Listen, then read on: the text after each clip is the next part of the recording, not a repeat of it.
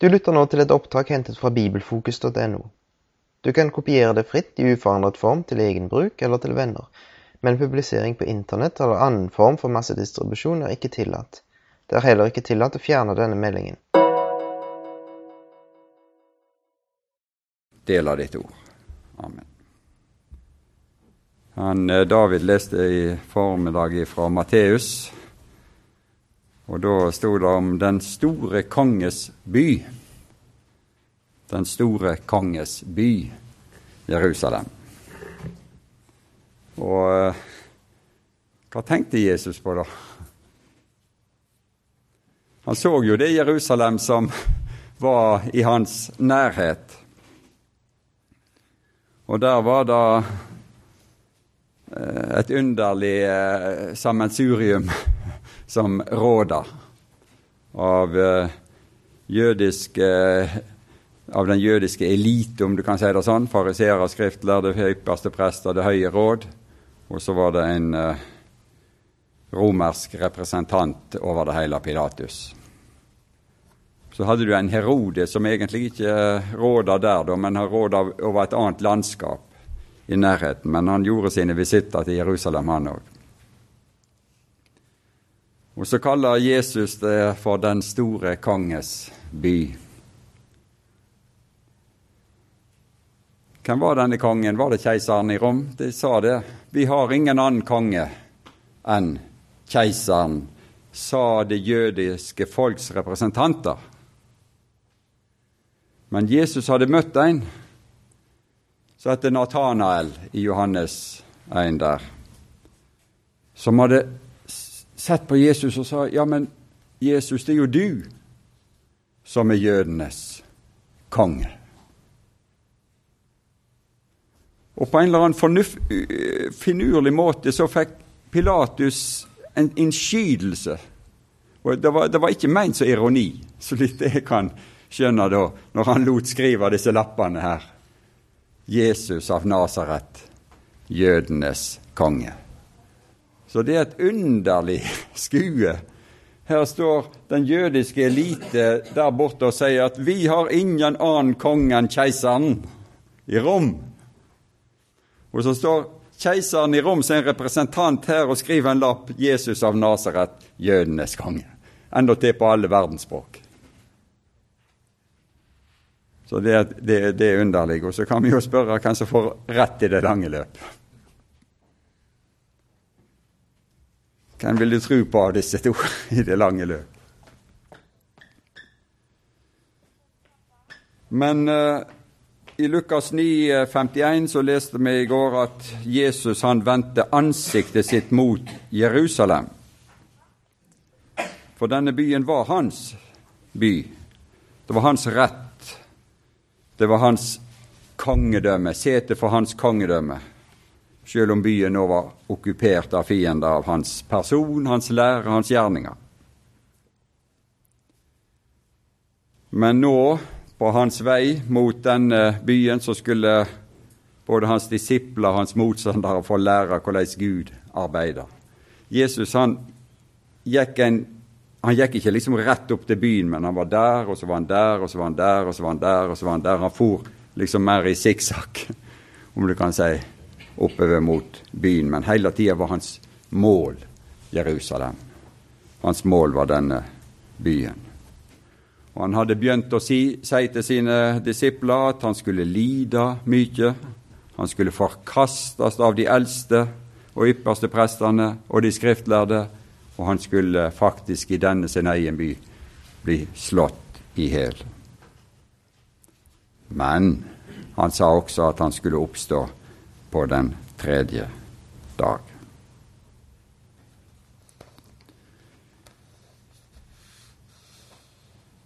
Han eh, skriver i Lukas 18, 31. Han tok de tolv til side og sa til dem, Se, vi går opp til Jerusalem, og alt som er skrevet av profetene om menneskesønnen, skal oppfylles. For han skal overgis til hedningene og bli hånet og mishandlet og spyttet på, de skal hudstryke han, slå han i hjel, og på den tredje dag skal han oppstå. Dette her er budskapet her hadde forferdelig vanskelig for å slå inn. Da Jeg vet faktisk ikke om det er så veldig mye bedre nå. De forsto ikke noe av dette, og dette ord var skjult for dem, så de skjønte ikke hva han sa. Det var liksom så uvirkelig at dette skulle skje med, det, med deres Messias, med deres frelser. De forsto det ikke. De var minst like blinde som den tiggeren som Jesus møtte, eller som satt der ved veien i Jeriko når han gikk forbi, og gjennom Jeriko så var det en tigger som ropte. Det virka nesten som han skjønte mer enn det de gjorde. For når han hørte det var Jesus fra Nasaret, så sa ja, men det er Davids sønn. Det er jo Davids sønn som er på vei til Jerusalem for å bli konge i Davids stad. Forbarm deg over meg! Det virka nesten som det var skapt et større lys, en større forstand i han.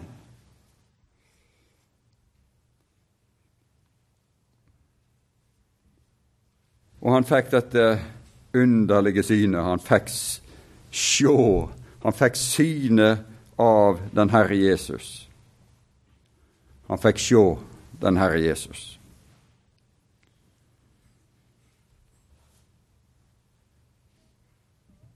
Jesus hadde ansiktet sitt vendt imot Jerusalem, og han gikk veldig målbevisst fram mot byen, sjøl om da han visste at det var dette som venta han. Det står eh, Disiplene de skulle få se hans ansikt. De skulle få se det eh, ansiktet, hvor målbevisst det var, og hvor han gjennomførte alt til siste punkt av det som står skrevet om han. Når han kom inn i denne byen, så ble dette ansiktet som var vendt mot Jerusalem, det blei slått. Det blei spytta på. Det står at de kom bort og rykte han, reiv han i skjegget. Det blei ille tilrett. Men på tross av dette så veik han ikke unna. Og jeg, jeg, jeg leste her i profeten Jesaja kapittel 50 hvordan han liksom vi snakker, om, vi snakker, kanskje om å stålsette oss til noe. Sant? Du har ei oppgave, sant? ei vanskelig oppgave, og så stålsetter du deg til den uh, oppgaven. I vers 7 i Jesaja 50.: Men Herren Israels Gud vil hjelpe meg. Derfor blir jeg ikke til skamme. Derfor har jeg gjort mitt ansikt, altså det som var vendt mot Jerusalem, har jeg gjort hardt som stein, og jeg vet at jeg ikke skal bli skuffet. Jeg, underlig, jeg undrer meg på de som slo dette ansiktet, hva de følte. Hva følte de når de traff Jesu ansikt med sin knyttenøve? Det er bare sånne ting som vi kan undres på. Men det står her han hadde gjort han ansiktet sitt hardt som stein. De må, de, må, de må, ha opplevd noe underlig. At her var noe som var helt annerledes enn det andre de hadde andre personer de hadde hatt med å gjøre. Det står om Gud i Hebreabrevet 2 at uh, det sømmet seg for han da han førte mange barn til herlighet gjennom lidelser, og fullende deres frelses høvding.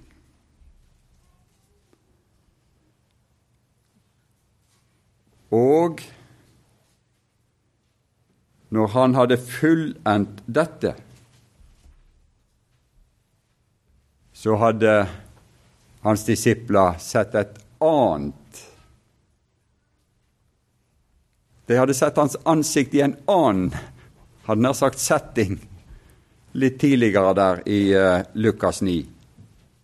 Når han, disse tre hadde vært med han opp på fjellet, så hadde de òg sett på hans ansikt. Og så hadde de sett at hans ansikt blei forvandlet. De hadde sett herlighetens ansikt. De så at gjennom dette som han måtte gjennom, det sømmet seg for han. Gud, da han førte mange barn til herlighet gjennom lidelser og fullende deres frelses høvding. Og så hadde de sett dette herlighetens ansikt da i Lukas 9. Hans ansikt blei forvandlet, der i vers 29 i Lukas 9. De så det. Og det underlige er at når vi blar opp i andre Korinterbrev, kapittel 3, så har du og meg anledning til å faktisk se det samme ansikt. Da står det at vi har anledning til å se dette ansiktet som i et speil, i vers 18 der. Det siste verset i 2. Korinterbrev 3. Vi som med utildekket ansikt skuer Herrens herlighet som i et speil. Og vi ser at den herligheten, når vi kommer ned i kapittel 4 og vers 6, så ser vi at det er Guds herlighet i Jesu Kristi ansikt det er tale om. I et speil. Vi blir alle forvandlet. Var det et fjernsynsprogram som het Ekstrem forvandling eller noe sånt? Jeg tror jeg har hørt det, jeg har ikke sett det, men, men jeg mener jeg har hørt det. Ekstrem oppussing. Ja, men jeg lurer på om det var noe som het ekstrem forvandling òg.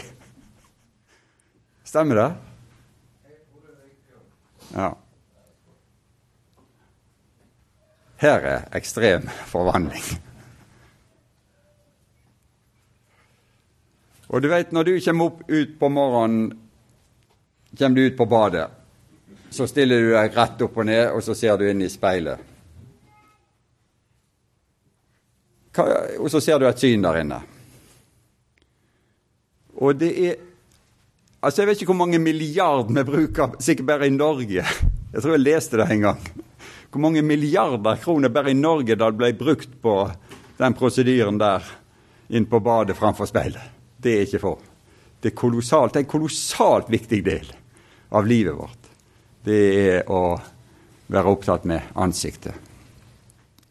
Og da skjer det på den måten at eh, du ser et bilde inni der, og så gjør du en rekke aksjoner her ute for å prøve å få dette bildet til å se litt bedre ut. Men det er ikke det som står her. Det er ikke det som står her. For du vet, hvis du går bort sånn litt på sida, sånn, og så begynner du å se en vinkel, så forsvinner ansiktet ditt ifra speilet. Men hvis vi går inn her i dette ord, så ser vi det at plutselig så trer det, trer det fram et, et annet bilde der inne. Men da må vi vi må være villige til å ta dette skrittet til side sant? og liksom vri litt på vinkelen. For da kan du se plutselig så opptrer det et annet ansikt. Og så kan du oppleve noe forunderlig. At det er ikke du som skal gjøre en masse greier her ute for å forvandle bildet der inne. Men da skal bildet som er der inne, forvandle deg. Så alt er snudd på hodet.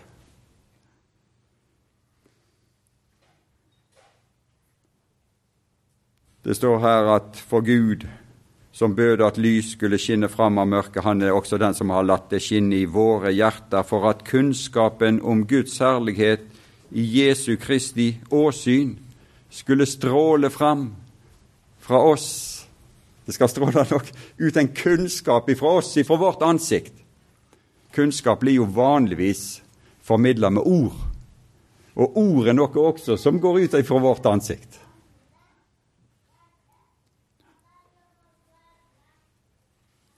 Og det er det er noe som består. Det er noe som ikke trenger anti eller hva det heter for noe. For liksom å prøve å utsette den u, denne, denne, prosessen som går sin gang uansett hvor mye vi forsøker å hindre det. Det som Mose ansikt i kapittel tre her. Det dør. Herligheten dør ut med alderen.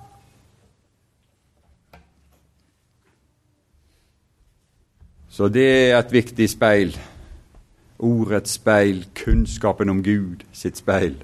At vi lar den få påvirke oss. At vi tar inn den. Og den har den forunderlige evne at den ikke bare er interessant, og det er det. Det er jo, det er jo fenomenalt interessant, mye i Bibelen òg. Men det har også en, en eh, virkning, en forvandlende virkning. Det står litt grann lenger ute i andre Korinterbrev, når vi kommer ut i kapittel 10, er det vel, eller er det 11 kanskje, om å bli slått i ansiktet. At det er noen faktisk i kristne sammenhenger, eller sammenhenger som gir seg ut for å være kristne, som, der, der noen tar seg til å slå andre i ansiktet. Og Det blir det også et resultat av. Det blir da også eh, noe som vises på ansiktet når du blir slått eller lar deg slå i ansiktet. Det er ikke Guds tanke at sanne ting skal skje. Og aldeles ikke sanne ting skal skje i menighetssammenheng. Men det, det, var bare en parentes. Det, det tar vi ikke opp nå.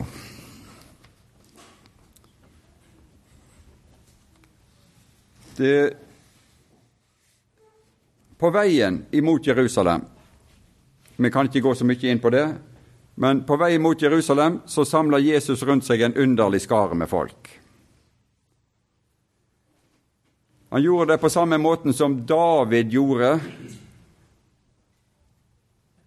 tidlig i sitt løp, i det som heter Hulen ved Adullam.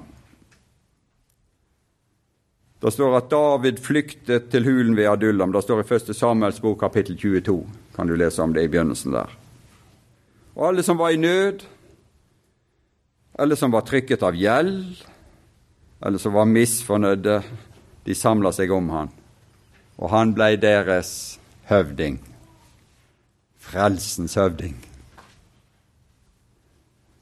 Det var ikke akkurat overklassen og den intellektuelle elite som dominerte der ute rundt David. Og når du så på den gjengen han hadde rundt seg, og så, så eh, kunne en stå der og si Denne mann, med denne gjengen han har samla rundt seg, de som har kommet til han der ute, skal bli Israels herlige hersker.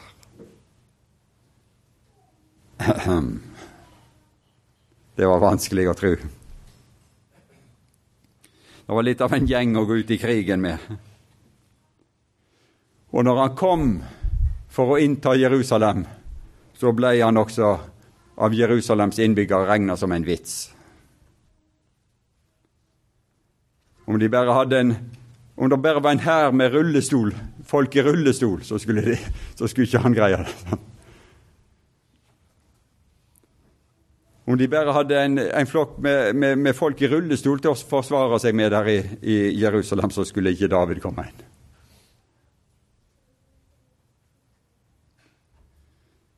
Men det var ved hjelp av disse David vant tronen eller David vant tronen og samla disse rundt seg, og de ble hans helter. Og så fikk sine vitnesbyrd av David sjøl. Davids helter. Dette er Davids helter. Det var disse som kom til han, mens han ikke var regna som noen ting. Jesus blir heller ikke regna som noen ting i denne verden. Men vil du komme til han, vil du komme til han der ute og si at 'Jesus, jeg vil at du skal være min frelser'. Du skal være min høvding. Jeg vil være rundt deg. Han satt med noe rundt seg en kveld i Jerusalem. Og sa han at 'jeg tilsier dere rike', sa han. Hvorfor det? Fordi dere har holdt ut hos meg. Det var ikke noe stor prestasjon i og for seg de hadde gjort. Ja, var det så vanskelig da å holde ut hos han? Ja, det hadde sin det, var, det, var, det, var, mange som ikke holdt ut hos han. Det var mange som ikke ville ha med han å gjøre. Men disse gjorde ikke noe større prestasjon enn at de holdt ut hos han. Og det er det han vil med meg og deg òg, at vi skal holde ut hos han, med han. I denne verden der han er forkasta. Holdt ut med han. Når de andre ikke vil bry seg, så holdt ut med han. La aldri noen ting, og heller ikke dine personlige nederlag, fører til at du forlater Han. Men gå til Han med alt. Ut til Han med alle ting.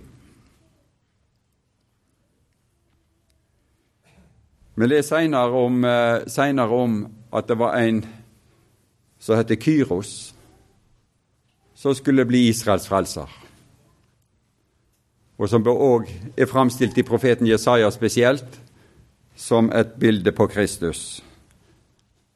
Han var også en sånn hyrde ute på marka der, ikke regna som noen ting. Og så samla han disse her gjeterguttene rundt seg. Disse som han var sammen med der ute på marka når han passet sauene og, og fårna og, og, og kveget ellers. Det var ikke noe jobb som ble påakta, det var ingen som akta på det i hele tatt. Men denne Kyros i Persia samla rundt seg disse sauegjeterne, disse kameratene sine. Han ble verdens mektigste mann, men uovervinnelig her. Så det, dette er, det er perspektiv. Det å ha med Jesus å gjøre, det, gir oss perspektiv.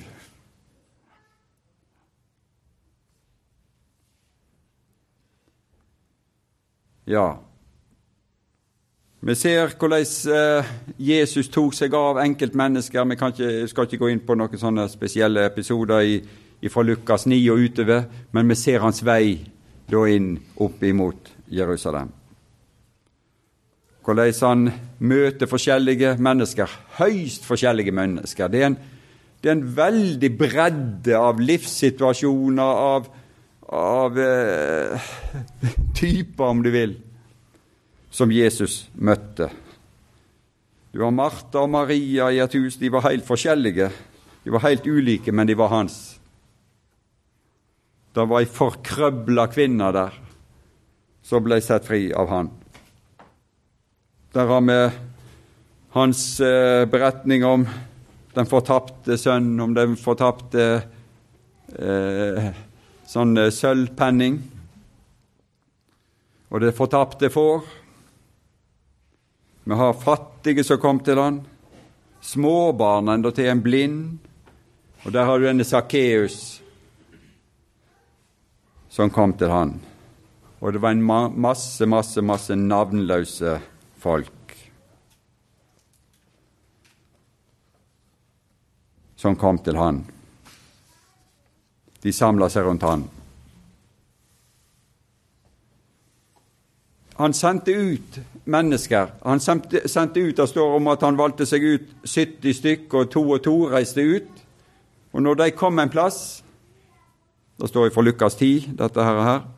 Når de kom en plass, så skulle de forkynne fred. De skulle komme og forkynne fred. Og hvis det da var fredens barn som tok imot denne freden, så skulle de være der. Så det var noen som tok imot han, og noen som eh, ble da fredens barn. De tok imot han som kom, eller de som kom og forkynte fred. Hvorfor forkynte de fred, han fred? Det var jo fredsfyrsten som var på vei opp for å skape fred. Det, er, det gjøres jo kolossale anstrengelser hos diplomati og politikere i verden for å skape fred der det er ufred. Og ikke minst i Midtøsten så tenker vi på skal, hvordan skal de fikse opp i de tingene der nede. De har ekskludert fredsfyrsten ifra prosessen. Men det blir ingen fred uten han, uten fredsfyrsten. Det var slik at det var en masse hindringer for mennesker å ta imot han. Og Hvis du leser kapittel etter kapittel, så kan du se sånne små ting. Jeg skal bare nevne et par ting som er helt, helt sånn flyktig her, som kan være litt relevante også for oss. Det står at de tok ikke imot han. Enkelte byer så tok de rett og slett ikke imot han. Andre byer av en eller annen merkelig grunn så tok de imot han. Det, det, det er veldig vanskelig å forutse det. Det kom to til én by, de tok ikke imot han. Så kom det to av de til en annen by som tok imot budskapet, fredsbudskapet. Det er ingen som visste, visste dette på forhånd, men alle, de skulle gå til alle disse byene. Det står ingenting om at de var bedre å preike i den byen der de tok imot han. Eller at evangeliet ble liksom klarere og med større iver brakt fram der enn de to som kom til en by og måtte oppleve det forsmedelige at ja, men de tok ikke imot han. De var sikkert like begeistra, de var sikkert like ivrige i tjenesten, begge plasser. Så det er slik for oss òg. Noen tar imot, noen tar ikke imot. Men vi må fortsette å forkynne fredens budskap. Det er liksom de to generelle trekk. Noen var i grunn positive til Jesus og til hans rike. Men hvis du leser i slutten på Lukas 9, fra 59 og utover ut kapittelet der, så ser vi at det er flere som Jo da, det er flott dette med Jesus, og det er fint å følge han og så videre og sånt, men jeg har så mange andre ting jeg må gjøre først. Jeg må først gjøre det, og så må jeg først gjøre det, og så må jeg først gjøre det. Det er en veldig farlig vei å gå. Og da kan du gå resten av livet ditt og finne på andre ting som du må gjøre først. før du kan ta imot Herren og leve i fellesskap med Han.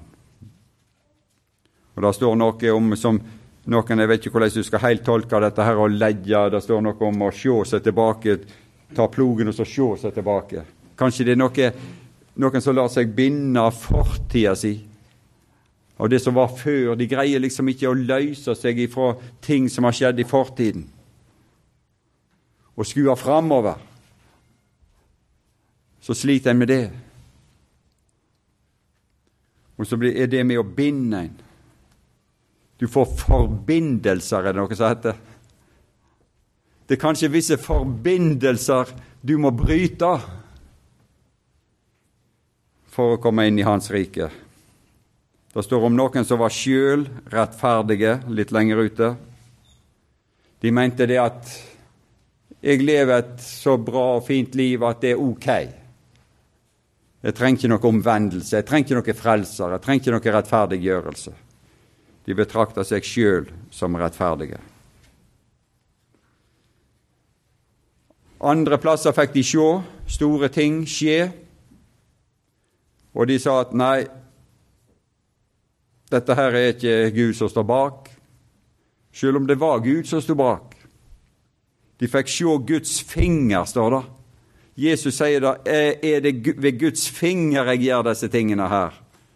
Og han henviser da egentlig til 2. Mosebok 8, vers 19, der endatil faraos rådgivere måtte si, måtte si til farao, kong farao, dette er Guds finger, nå, farao, må du gi deg, og bøye deg for Gud.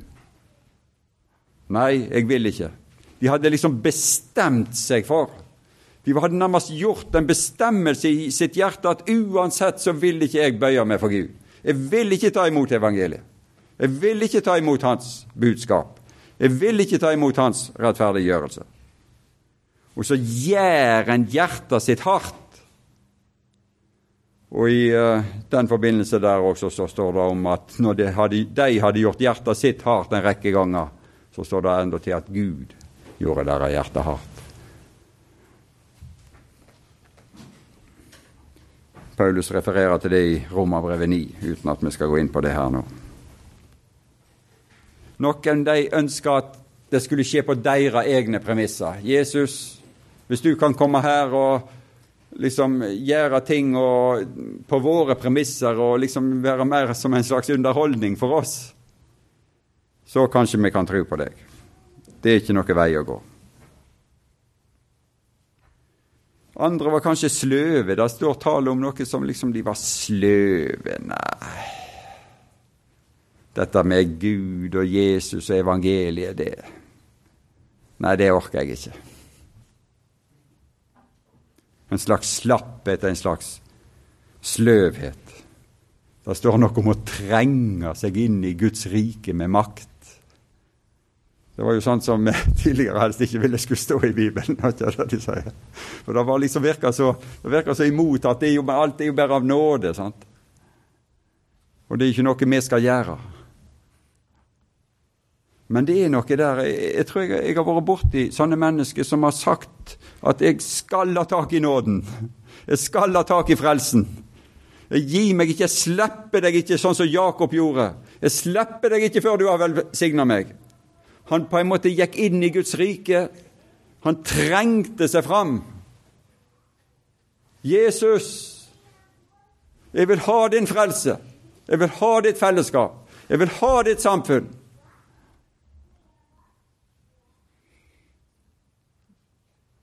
Jesus liker sant. Gud liker sant. Noen kanskje gir opp fordi at det står noe her en plass at det var så vanskelig å forstå. Ja, men dette evangeliet det er så vanskelig å forstå. Jeg greier liksom ikke å fatte det og skjønne at det kan være sånn, og få skjønne logikken i det hele. Du har noen antydninger der i, ut i, litt ute i Lukas der òg, at det var noen slike. Ja, det kan være en hindring, det, for å ta imot. Jeg forstår ikke det hele. Nei, men du kan likevel ta imot fordi, for, uten å forstå det. Gud har ikke sagt at det er den som forstår, som blir frelst. Men det er den som tar imot, som blir frelst. Så kan det jo hende at han, du kan be han opplate din forstand, så du, du begynner å forstå litt etter hvert. Forkynnelsen, Lukas 16, 16 for eksempel, så liksom Forkynnelsen er så vanskelig. De gir opp å høre, for dette liksom blir for vanskelig.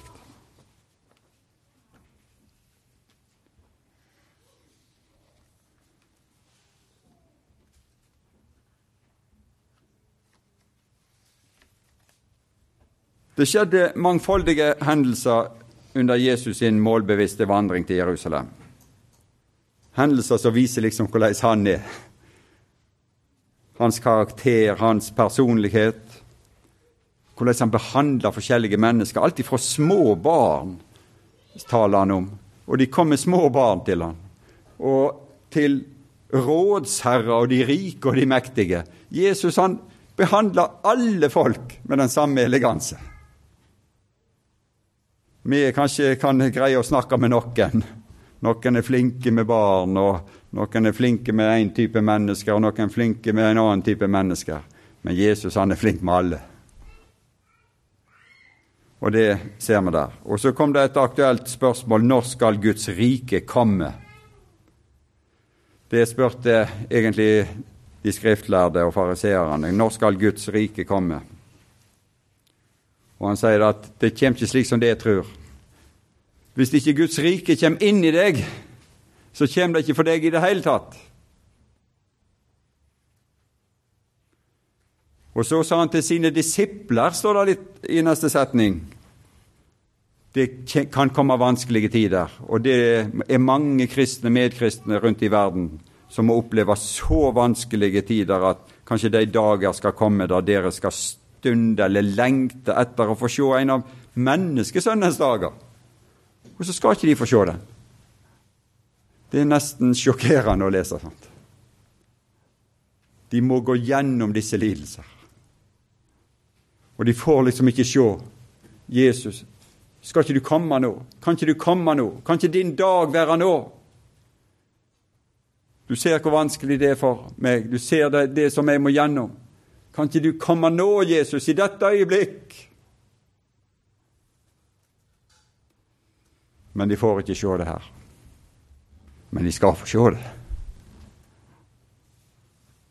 Men han forbereder noen også på det. Men så skal åpenbaringen komme ved menneskesønnens plutselige gjen, gjen, eh, gjenkomst. Du vet, Det var jo en sånn sånn som de snakket om noen sånne fremmedarbeidere som drev forretninger plutselig tilbake. Det er faktisk gått inn i det norske språket nå som et helt sånn seriøst uttrykk, har jeg sett. Det som var liksom ment som en liten sånn artighet. Det er blitt en del av språket. Men det kan passe godt, det. Jeg er plutselig tilbake. Det er det han sier. Jesus òg. Tiden Tiden og tidspunktet er ukjent. og I, uh, i apostelgjerningene 1 så er jo disiplene veldig interessert. Jesus, når skal dette skje? Hva, hva er tiden når dette skal skje? Og så skuffer han de og sier at det tilkommer ikke dere å vite slike ting. Akkurat det akkurat det tilkommer ikke dere å vite.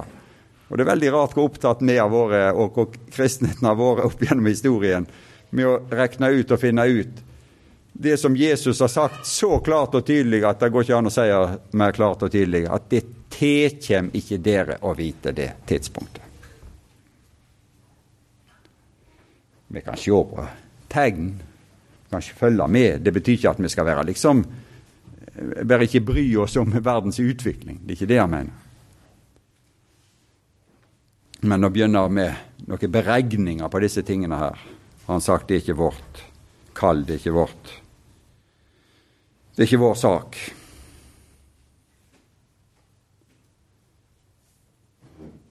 Jesus gikk videre til sin inngang i Jerusalem. Han gjør sine siste forberedelser der ute, ute med Betfage, og så rir han som konge inn i Jerusalem. Og han kom inn etter Skriftens beskrivelser, det som var forutsagt med profetene. Og disiplene sin forventning de sto i taket. Det står her at de var glade og lovet Gud med høy røst, for de var klar over det at det var Messias som holdt sitt inntog i byen. Og det står at Han som kommer med himmelsk fred og ære. Det står der i, i Lukas 19. Men så kommer vers 39, og da begynner i grunnen krigen. Du vet, Hvis du skal huske når krigen begynner, så er det bare å tenke på Lukas. 1939. Det er jo lett å huske. sånt. Da begynte slaget. Da begynte noen av fariseerne i folkemengden å si til ham, Mester, irettesett dine disipler. Nå begynner liksom slaget om byen. David han måtte gjennom et slag for å innta Jerusalem i sin tid. Og Jesus skal også kjempe gjennom et slag, men på et helt annen måte. Det står i 2. Samuel kapittel 5 og vers 6 og 7 at så dro kongen og hans menn til Jerusalem mot jebusittene som bodde der i landet. Men de sa til David, du kommer aldri inn her. Blinde og lamme skal drive deg bort med disse ord. David kommer aldri inn her. Men allikevel inntok David Sionsborg, det er Davids stad. Jebusittene i Davids tid, 1000 år før Kristus, betrakter David og akter på han som en liten sånn parentes, en liten sånn myggstikk, nærmest, imot byen deres. Hans inntog skulle raskt bli slått tilbake, og David og hans kamp skulle snart være glemt. Slik tenkte de lederne i den byen. Og slik tenkte de også overfor Jesus. Jesus begynte å fortelle dem visse lignelser når de, når de, eh, i sine samtaler med fariseerne og de skriftlærde. Og han sa dette som skulle skje med byen, og at byen skulle bli hans. Og de sa, det må aldri skje. Han ga de mange sjanser til å vende om, men de var liksom besatt av sine tanker om at det var de som visste hva byens beste var. Og byens beste var selvsagt at de fortsatte med makten og myndigheten i byen, og holde Jesus borte. Det beste for byen er bort med Jesus. Holde Jesus utenfor. Det er det beste i samfunnet òg, egentlig å holde Jesus vekk fra saker og ting. Sånn. Det er den tankegangen som er rådende så å si i alle verdens regimer, og den er blitt mer og mer rådende i vårt land. I hvert fall i departementene i Oslo er den veldig rådende. Jesus må ut. Der Jesus har vært, kanskje, i, i, i vårt eh, samfunnssystem, der må vi sørge for at, han nå, at vi får, får han bort.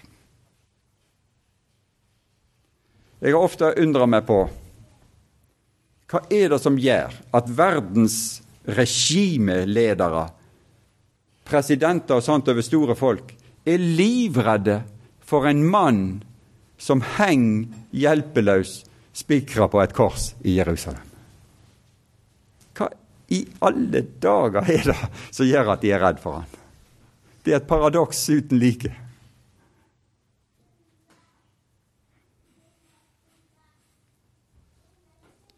Men det er liksom der, det, det, det at de er redd for å miste sin makt. For det er gjennom det han gjorde, ved korset at han har skaffet seg makten. De spurte om hans myndighet, og han svarte med et motspørsmål, så kunne de dra konklusjonen sjøl. Hvor kommer din myndighet ifra, Jesus? Hvor, kan i verden er det som har gitt deg makt til dette når han gikk opp i tempelet og rydda opp der? Ja, det skal jeg si, sa han. Hvis det kan forklare meg hvor Johannes døperen hadde sin myndighet på. Og så fant de ikke noe svar. De tørde ikke svare. Men Jesus svarte egentlig på spørsmålet. Han sa det kommer fra den samme hold som Johannes døperen hadde sin myndighet ifra. Der er også min myndighet ifra. Den er fra himmelen. Han fortalte de om lignelsen om vingården og der, der, de, der eh, det var spørsmål hva skulle vingårdens herre, eier, gjøre med disse som han hadde lekt ut vingården til, slik som de hadde stelt seg? Han skulle, han skulle kaste de ut. Det må aldri skje, sa de, fordi at de skjønte at han talte om dem. Og så står det et vers der han så på den han så på dem og sa, der i Lukas 20, sånn ca. vers 17 Han så på dem og sa Tenk det øyeblikket. Når, når de satt, sto der eller satt der framfor han, jeg vet ikke om de sto eller satt, og han hadde fortalt denne historien, og de sa 'det må aldri skje'. Og så ser han de inn i øynene. Så ser han på dem. Nå skal du høre en ting alt som er skrevet om meg og min inngang i Jerusalem, er blitt oppfylt punkt og prikk i henhold til Skriftene og profetene sine utsagn til nå.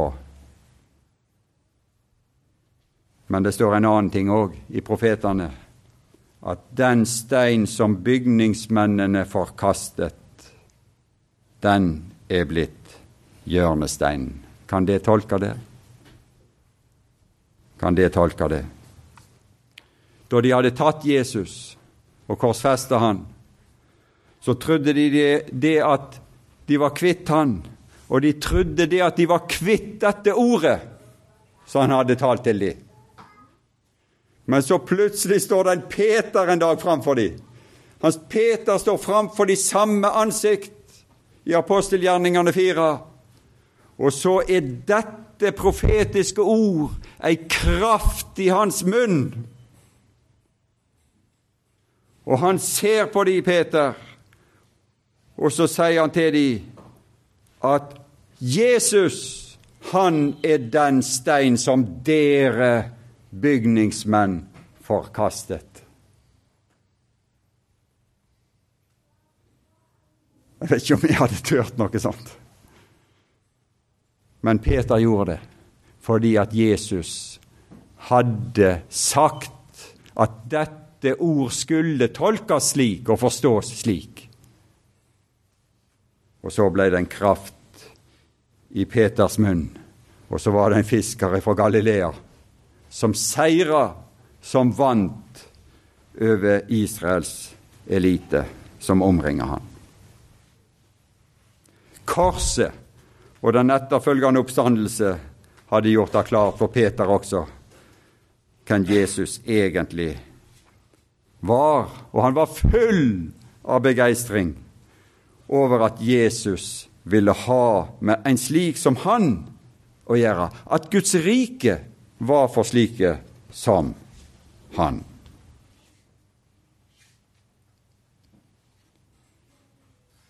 Ja, Jeg tror jeg skal gi meg med det nå i dag, og så fortsetter vi liksom litt langs denne banen her. Da vil vi takke deg, Jesus, for at han ser mot Jerusalem en dag. Og den veien du gikk opp der, og alt vi kan lære fra den veien. Om deg, om din måte å arbeide på, om den måten du tar deg av alle mennesker i alle slags situasjoner på. Du gjør ingen forskjell på høy og lav og på rik og fattig, begava eller ikke begava. Du gjør ingen forskjell. Alle som vil ta imot deg, imot fredens budskap, tar du inn i ditt rike.